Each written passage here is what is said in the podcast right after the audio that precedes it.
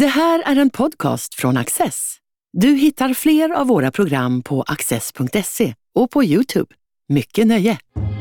Jörg Nies är doktorand vid det påvliga universitetet Gregoriana i Rom. Han forskar om hur vi i modern tid ska förstå det kristna lydnadslöftet. Bör man lyda till varje pris? Jörg Nies, välkommen hit! Tack så mycket. Du är jesuit och du forskar om jesuiter. Eh, ska vi börja med att prata om vilka är jesuiterna? Ja, absolut, det kan vi göra. Jag är dessutom katolsk präst, så jag forskar inom katolsk teologin om jesuiter som jesuit, som du säger, så det är något speciellt. Och eh, jesuiter, officiellt namn eh, är Societas Jesu på latin och man kan säga Jesus sällskap. Eh, och man kallas det bara som jesuiter. Det är katolska kyrkans största eh, manlig orden. Lite fler än 15 000 medlemmar. Ganska internationellt, nästan alla länder och är mest känd för utbildning, forskning och en del av jesuiter forskar om jesuiter och det gör jag precis. Och eh, vad gör jesuiterorden? Ganska olika saker. Det, man kan kalla dem för en missionsorden, så de blev skickade till olika länder.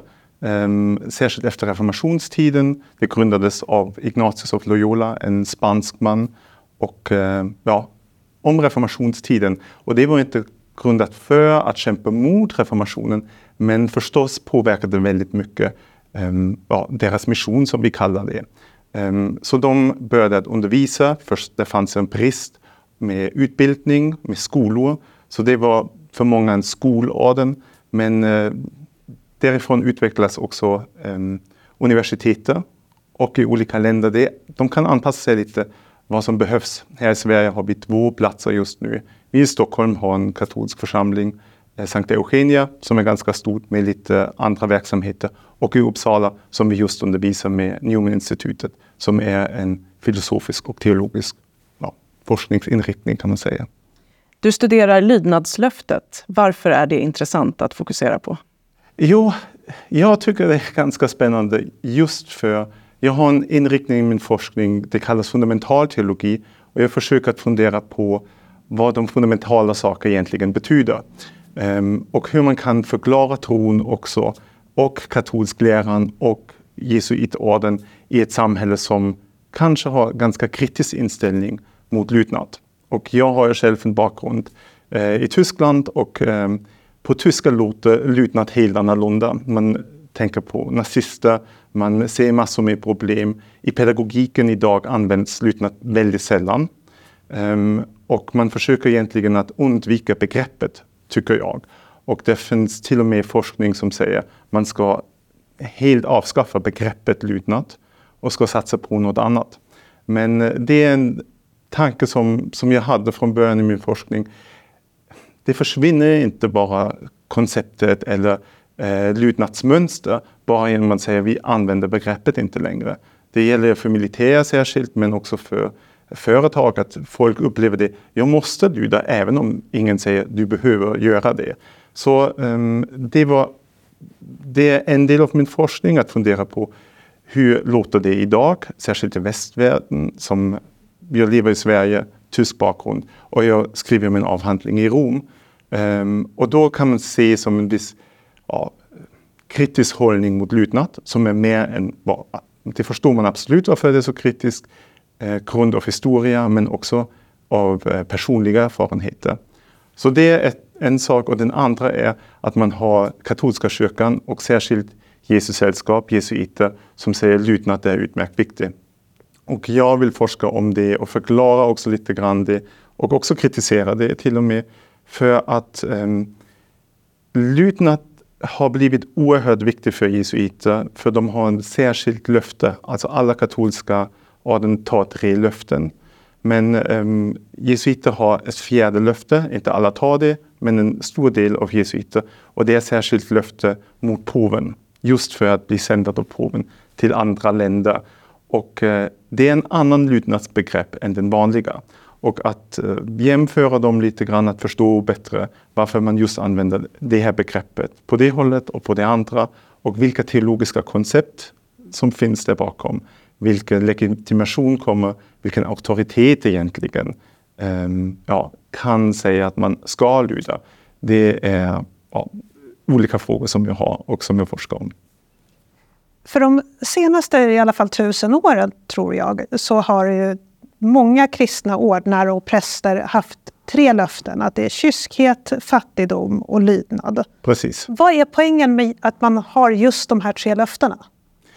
Jo, det är också en del av min forskning att förklara varifrån det kommer och hur det har utvecklats. Som för oss alla eh, kristna är det förstås kopplat till Bibeln och man försöker att förstå varifrån det kommer. Sen kan man förklara i Gamla Testamentet eh, lydnadsbegreppet som man kan översätta från hebreiska egentligen bara med att, att tro på Gud. Det gör man bara, det behöver man inte eh, förklara längre. Och sen för kristna är förstås eh, Jesus själv förebild och orientering. Och då blev det en tradition, det kommer som du säger från, från munkar ganska tidigt egentligen, som går som eremiter, som, som lever ensamma och tycker eh, jag kan följa Gud bäst genom att vara just, att leva kyskhet som man ser från eh, Jesus själv men också från olika bibelcitat. Att, eh, att man lever i fattigdom, att man upplever mer tacksamhet kan man väl säga, som alltid förklarar något positivt med det. Och lydnad kommer kanske sist kan man väl säga, för de levde först en, helt ensamma och sen började med att man lever i gemenskapen. Och då väljer man en ja, abbot som en chef i kloster och då börjar det att bli ganska konkret. Så man har den här mer eh, religiösa inställningen och sen har man eh, lydnad som är kanske lite mer disciplin inom kyrkan. Som det finns i alla samhällen, att man säger. Vi har vissa regler och då ska man följa.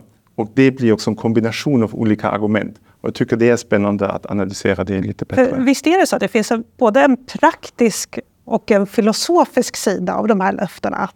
Precis, ja, precis. och det är en av de saker som jag tycker man, man måste vara väldigt eh, uppmärksam gällande det, att man inte blandar hela tiden argument. Man kan ju väl säga till ett, till ett barn, du lyder för att det är bra för dig. Jag vet bättre. Um, och faktiskt är det bara ganska praktiskt. För då ska barnet göra som man, som man vill. Så det har vi i, i alla sammanhang. Men eh, jag tycker när det blir teologiskt måste man vara särskilt uppmärksam. För då är det bara som en människa som säger du ska lyda. Då säger man ja den här människan är faktiskt, eh, säger till dig det i Guds ställe. Du ska göra så här. Och eh, det har förstås en eh, större betydelse som kan vara väldigt bra. Men samtidigt är det också en risk att det eh, användas på fel sätt. Att folk blir sårat och att till exempel självförtroende kan inte utvecklas om man känner sig bara eh, ja, pressat och eh, dämpat hela tiden. Vilka svårigheter finns det med att studera existentiella frågor inom forskning, skulle du säga? Jo, jag skulle säga det är ganska ofta kopplat just till kontexten.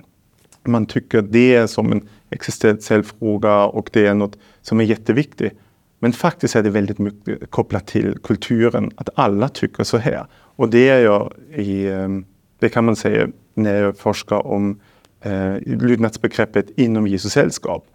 Att man ser att Ignatius av Loyola var själv från en adlig bakgrund och eh, för honom var det bara normalt att lyda. Det var det som man, som man gjorde. som, eh, det sättet som han förklarar egentligen lydnad är mindre genom skrifter och eh, förklaringar och teologin som han utvecklar. Eh, det finns ett, en sak som han har utvecklat och så, eh, som är fortfarande jätteviktig för hela katolska kyrkan Ehm, och också i Sverige jättepopulärt bland protestanter. Och det är just andliga övningar som man gör egentligen som ett program och då ska man förstå på bättre sätt vad det innebär, vad det betyder och varför man gör det. Det är som en spirituell motivation, andlig motivation kan man väl säga. Och um, att förstå bättre hur det går använder han bilder.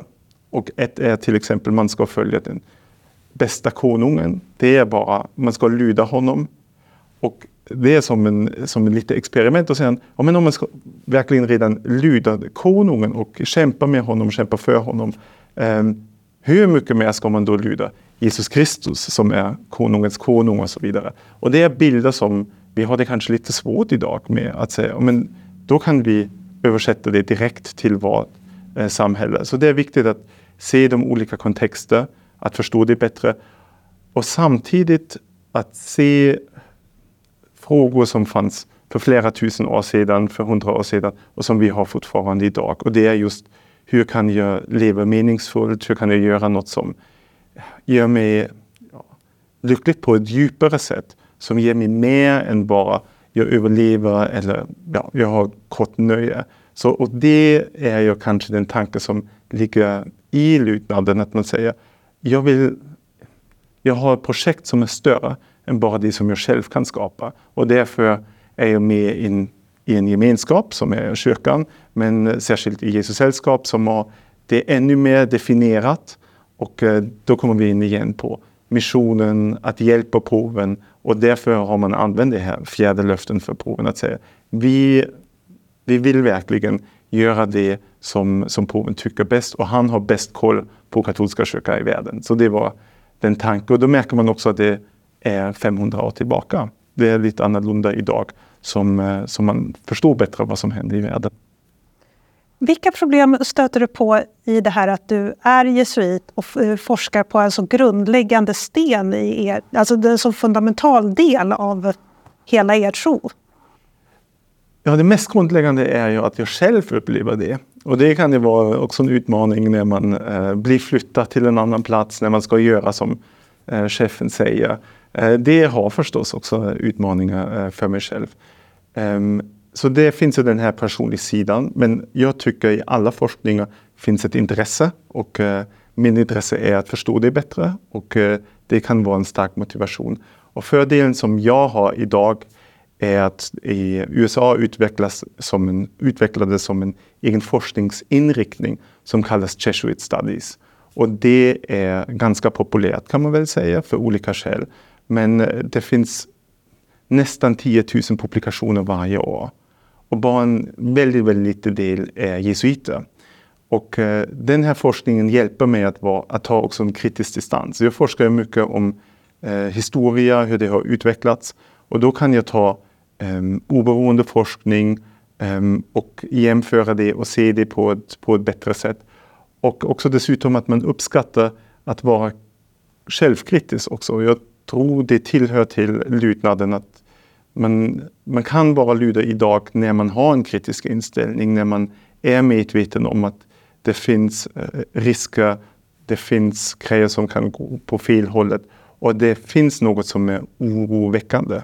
Ehm, det kan, kan man tolka som absolut positivt så att man tar det inte för långt och att man eh, inte glömmer eh, sitt mål. Men eh, samtidigt är det också en risk som finns och det är viktigt att hålla den här balansen. Men som sagt, jag tycker genom andra forskare kan vi jesuiter förstå också vår historia, vår identitet på ett bättre sätt. När du ändå är inne på det, så för ungefär 500 år sedan mm. så startade Jesuitnätverket som en slags spionverksamhet för påven. Mm. Eh, hur ser det ut idag? Hur har det utvecklats? Jo, alltså jesuiter hjälper fortfarande påven. Men det här lydnadslöftet, det var jag väldigt tidigt och då var tanken att man säger till påven eh, vad ska vi göra? Och då var det, väldigt få jesuiter och en av de första jesuiterna blev skickade till Indien och blev en av de största katolska missionärerna, Frans Xavier. Och eh, det var kanske en tanke att det blir väldigt personligt att påven känner alla jesuiter. Det är förstås lite annorlunda med 15 000 eh, jesuiter. Men just idag har vi en påve som är själv jesuit. Första gången, påven Franciscus. Och eh, han känner jesuiter väldigt bra och han vet också hur man använder dem bäst. Men det blir inte så mycket personligt längre att man säger du ska göra så här. Det händer, men eh, det är undantag.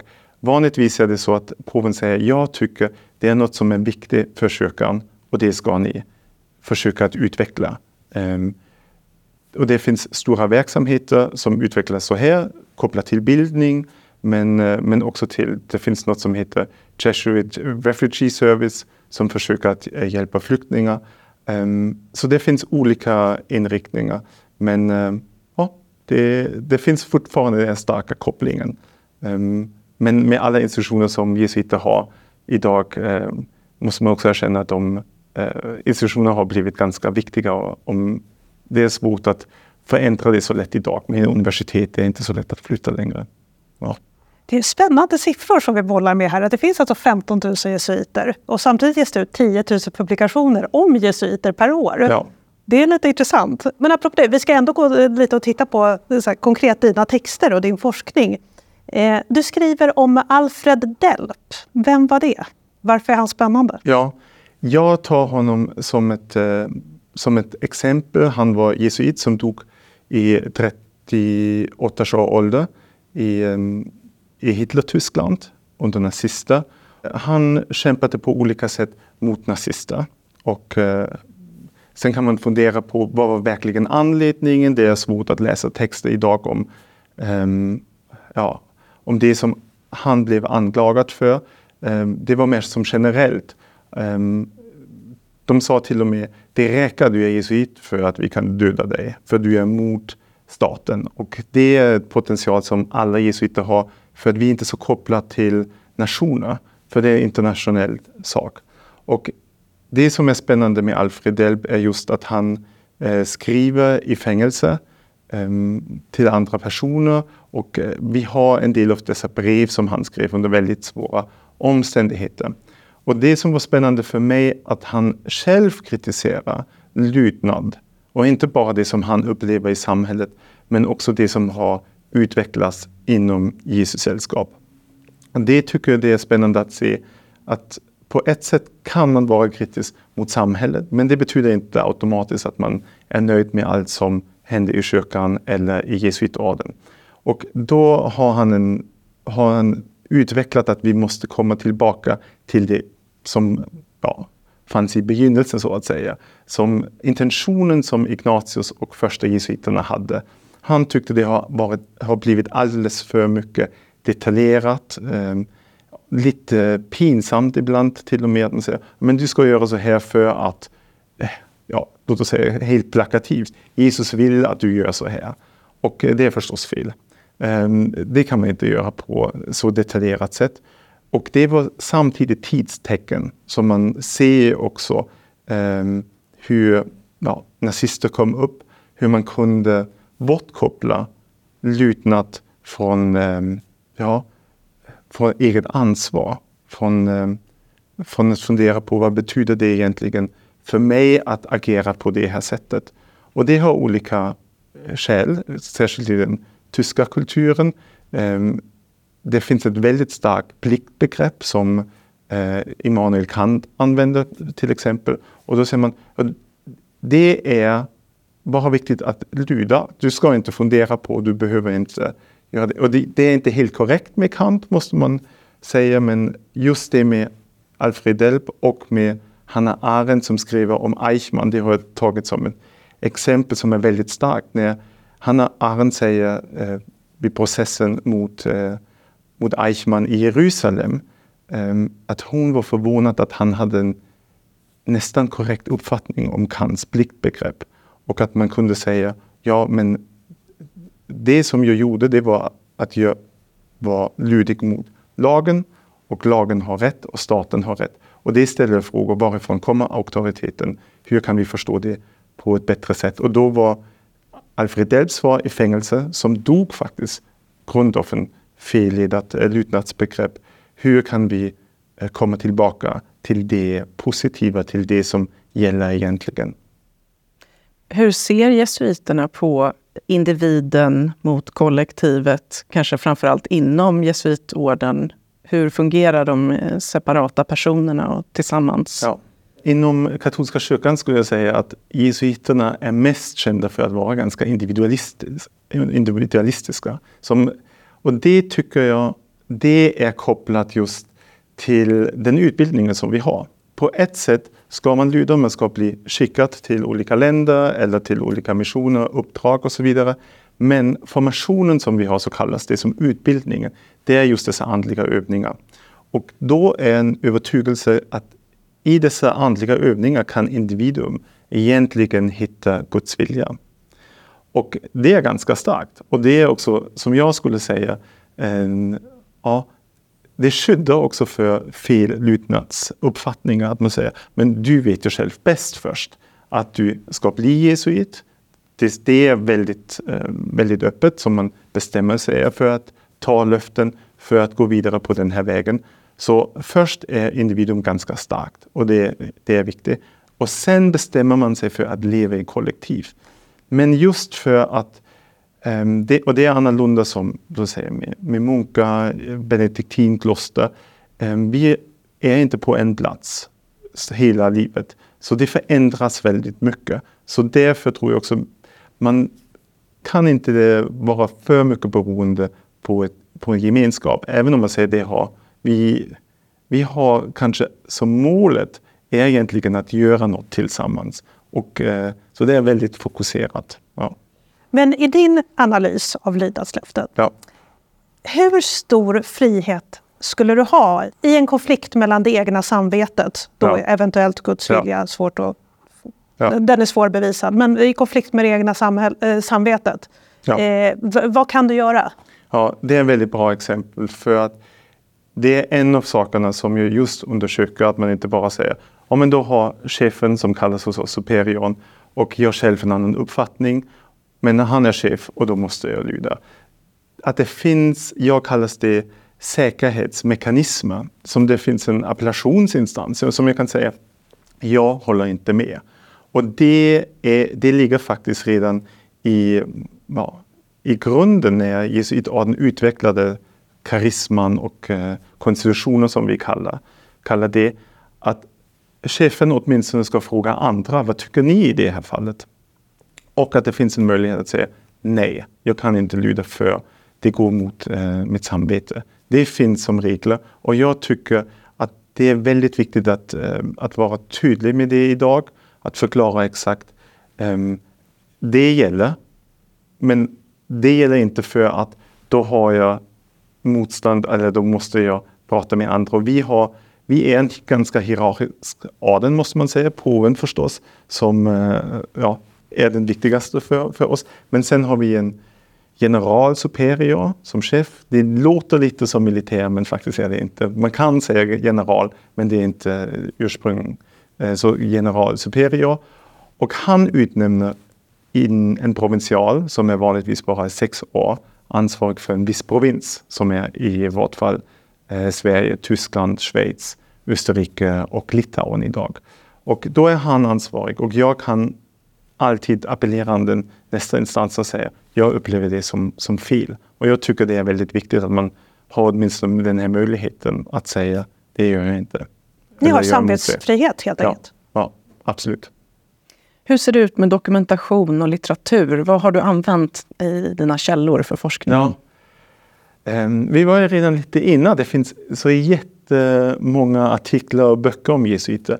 Det är mest kopplat till att jesuiterna började ganska tidigt med att dokumentera allt. Um, det finns många forskningar i länder som är beroende på jesuiternas dokumentation. Olika länder och uh, kulturer, språk uh, djur, de var ofta forskare. Um, och det blev allt väldigt detaljerat dokumenterat. Och uh, då säger 1900-talet började de att, um, att göra utgåvor som är ganska kritiska kan man väl säga, som har en bra standard. De blev förstås förnyade, um, men man dokumenterade det. Ursprunget var förstås ofta med en viss um, ja, försvar mot uh, protestantism, mot uh, andra saker. Och det, det gör det lite svårt att um, utvärdera ibland eh, berättelser och så vidare för att det fanns något som kallas antijesuitism, som man använder jesuiter som de dåliga katoliker, de är de värsta, eh, som infiltrerar kulturer. Eh, och jesuiterna själva har förstås också eh, inte skrivit något fel, men man understryker hellre de positiva sakerna. Och då måste man vara medveten om, och det är en del av min forskning, att, ehm, att vara tillräckligt mycket kritiskt utan att vara kritisk på ett fel sätt. Att man eh, ja, eh, är skeptisk hela tiden och tycker det ligger något i som inte stämmer. Och det tycker jag just idag är det mycket bättre. Så vi har en generalarkiv i Rom eh, som editerar dessa texter. Eh, Och jag försökte att visa lite utvecklingen och um, man säger att det finns som ett karisma som präglar orden.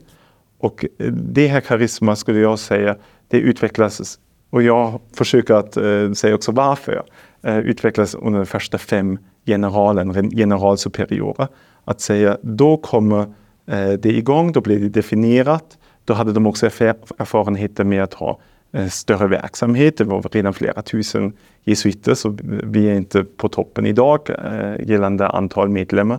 Och då förstod de redan lite, vi behöver strukturer. Och då kommer den här praktiska sidan in i lydnadslöftet som först var kanske lite mer idealiskt, vi ska gå ut. Men sen är det, kommer, det ganska, eh, kommer det att bli ganska viktigt för att eh, det ska hjälpa med organisationen, administration och jesuiterna. Man är överraskad att de använder teologiska argument för att organisera faktiskt eh, Jesu sällskap. Och det är det som eh, är överraskande, men de trodde det kan man göra eh, för goda skäl. Innan vi avslutar måste jag också fråga dig om universitetet som du är knuten till. Ja. Eh, Katolska universitetet i Rom. Hur skiljer det sig från andra universitet? Ja, först och främst, eh, alltså det heter Påvliga universitetet Gregoriana. En ganska stor byggnad. Eh, men det är lite mindre än 3000 studenter. Och egentligen måste man erkänna, det är inte ett universitet i den fulla meningen som vi kanske har här i, i Sverige. Vi har mest teologi, filosofi, eh, historia, psykologi, eh, moral, eh, kyrkorätt. Men det är ändå ett visst område som man, som man forskar i. Um, och den största skillnaden är väl de flesta är katoliker, inte alla. Mm, jättemånga systrar och eh, präster som pluggar det, men det är superinternationellt. Att eh, folk kommer från hela världen och det har förstås utmaningar att plugga vid universitet med väldigt olika bakgrund. Men samtidigt eh, är det också väldigt berikande och jag tycker också det var en inspiration för mig att fundera på lydnads betydelse när man lär känna folk från olika kulturer och olika bakgrund olika kongregationer, adeln inom, Jesus, in, inom katolska kyrkan. Det var väldigt viktigt för mig och inspirerande. Jörg Nies, tack för att du ville komma hit och förklara din forskning. Tack så mycket. Tack för inbjudan. Du har just lyssnat på en podcast från Access. Du vet väl att vi också är en tv-kanal och tidning? Teckna en prenumeration idag på access.se.